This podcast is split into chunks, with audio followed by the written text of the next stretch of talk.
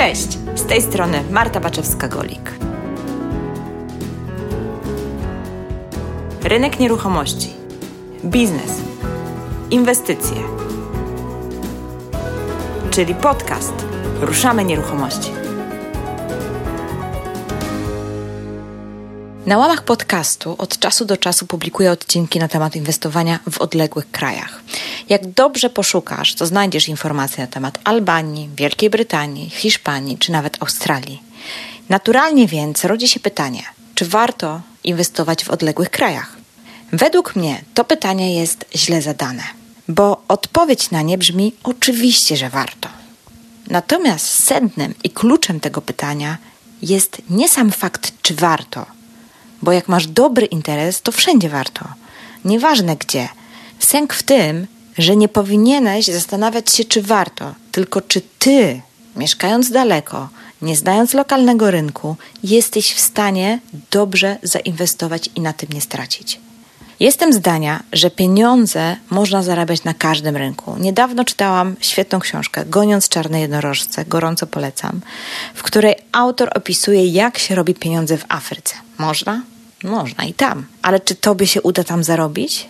Jest duża szansa, że raczej inni zarobią na tobie. Polecam poczytać lub posłuchać audiobooka, bo w Afryce rzeczywiście jest ogromny potencjał wzrostu. To jest gigantyczny rynek, ale jest tam też masa zagrożeń, które nawet ci teraz przez myśl nie przechodzą. Co najgorsze, bardzo często te zagrożenia wcale nie są związane z ekonomią czy z rynkiem. Te zagrożenia płyną zupełnie z czegoś innego. One w ogóle nie są racjonalne. A jeżeli nie są racjonalne, to w związku z tym również nie są przewidywalne, bo one płyną z czegoś, co my nazywamy kulturą. I ja osobiście w tym właśnie upatruję największe zagrożenie w inwestowaniu w obcych miejscach na odległość. Zastanawia mnie fakt, że jest wiele osób, które dzisiaj myśli o inwestowaniu, ale boi się zainwestować w Polsce. A nie boi się zainwestować w Kambodży czy w jakimś innym egzotycznym państwie.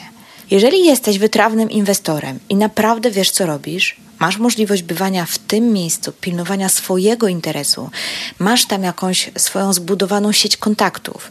Ponadto masz już portfel swoich inwestycji tu, gdzie mieszkasz.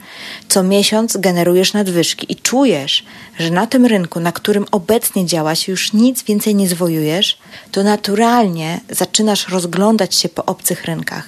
Jednak jeżeli dopiero zaczynasz, zaoszczędziłeś swoje ciężko zarobione pieniądze i decydujesz się je przelać na drugi koniec świata, no to powiem ci, że może się to okazać transferem pieniędzy w jedną stronę. Dla jasności, ja nie twierdzę, że dalekie inwestycje są złe. Twierdzę, że jeżeli nie masz doświadczenia w inwestowaniu, to możesz wybrać bardzo złą inwestycję. Problem odległych inwestycji polega na tym, że opiera się najczęściej na zaufaniu jednej osobie lub jednej firmie. Pamiętam wiele, wiele lat temu byłam na prezentacji firmy Rednet. To jest taka duża międzynarodowa firma zajmująca się szeroko branżą nieruchomości, pośrednictwem, obrotem. E, na całym świecie są. To jest naprawdę rozpoznawalna marka, duże doświadczenie. Można o nich naprawdę wiele poczytać. Partner bardzo wiarygodny. Na tym spotkaniu prezentowali oni inwestycje gdzieś na Karaibach. Już nie pamiętam dokładnie, gdzie to było, bo naprawdę lata temu to się działo. Oczy mi się zaświeciły, te prospekty, projekty, piękne plaże, wykresy, tabele, no wszystko po prostu świetnie, naprawdę, petarda. Stopa zwrotu na poziomie 12%. Wow, czad. To był projekt jakiegoś kondo hotelu. Na szczęście wtedy jeszcze marnie u mnie było z finansami i nie weszłam w ten projekt. Ale gdybym miała na koncie odłożone 100 czy 200 tysięcy, pracowałabym na etacie w totalnie innej branży i szukałabym dobrej inwestycji, z pewnością by mnie do niej przekonali. Ja naprawdę nie wiem, jakie są losy tej konkretnej inwestycji, ale dzisiaj z perspektywy czasu wiem, że wchodzenie w coś takiego z niemal zerowym poziomem wiedzy na temat inwestowania i totalnym brakiem doświadczenia mogłoby się naprawdę źle skończyć. I zastanówmy się dlaczego. Czego mi brakowało do podjęcia właściwej decyzji? Przede wszystkim wiedzy na temat rynku nieruchomości na Karaibach. No co ja mogłam wiedzieć na temat rynku nieruchomości na Karaibach? Nic. Doświadczenia w ogóle w inwestowaniu. Ja jakąś tam może jedną nieruchomość do tej pory kupiłam. Znajomości lokalnej kultury, reguł, zwyczajów, jakie tam panują, znajomości lokalnego prawa, podatków, hello, nic nie miałam zielonego pojęcia, jak to działa. A w przypadku jeszcze takich dalekich inwestycji, jeszcze wchodzi w grę prawo międzynarodowe i jakieś rozliczenia podatkowe, od zielonego pojęcia o tym nie miałam. Właściwego oszacowania ryzyka. Z prezentacji tak naprawdę wynikało, że będą same plusy. Ryzyko właściwie nie istniało według prezenterów. Gwarantowany zysk. No pokaż mi inwestycję, w której jest gwarantowany zysk, w której się nic nie może wydarzyć. No może papiery wartościowe. Nie ma takiej, generalnie nie ma takiej. Jeżeli idziesz i ktoś ci gwarantuje po prostu zysk z inwestycji, no to po prostu kurczę lampka ci się powinna świecić. Jakie są możliwości wyjścia z inwestycji? Nikt o tym nie wspomniał. Czy ja już tam wpłacę pieniądze i na forever będę musiała tam być? Czy jakoś mogę się wycofać? Jakie zabezpieczenia? A co jeśli się nie wybuduje? Tych informacji w ogóle nie było na tej prezentacji. Przyznasz, że trochę braków było, by faktycznie realnie oszacować, na ile ten projekt w ogóle jest warty uwagi. Ja nie wiem, jakie były dalsze losy tego projektu. Być może wszystko poszło super, dobrze, ale czy opierając się na pięknie przygotowanej prezentacji oraz rekomendacji jednej firmy, która co prawda wzbudza zaufanie, ale nie oszukujmy się, ma w tym konkretny interes, by ci sprzedać inwestycje, czy naprawdę uważasz, że można podjąć właściwą decyzję? Problem polega na tym, że kiedy decydujesz się na inwestycje na odległość, to wygląda to trochę tak jak inwestowanie w jakiś fundusz. Wpłacasz kasę i masz ogromną nadzieję na to, że jakiś tam makler będzie dobrze inwestować Twoje pieniądze. To jest jedyna pewność, jaką masz. Nadzieja, że będzie dobrze. Natomiast inwestowanie nie ma żadnego związku z nadzieją. Jeżeli chcesz naprawdę dobrze zainwestować, musisz mieć kontrolę nad swoimi pieniędzmi. Korzystaj z porad specjalistów, płać im za pomoc, płać im nawet słono, ale to nie zwalnia ciebie z umiejętności wyciągania samodzielnych wniosków.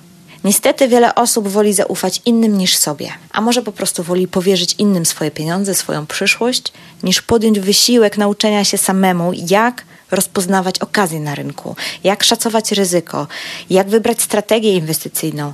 Nikt się z takimi umiejętnościami nie urodził. Tego po prostu trzeba się nauczyć, zbierać doświadczenie. To jest proces, to jest naprawdę wymagający proces. Problem w tym, że my dzisiaj nie lubimy wymagających rzeczy, wymagających procesów, a już długich procesów to w ogóle nie lubimy. Najlepiej szybko. Najlepiej tak, jakby ktoś za mnie to zrobił. Po prostu szybko i zarobił od razu miliony.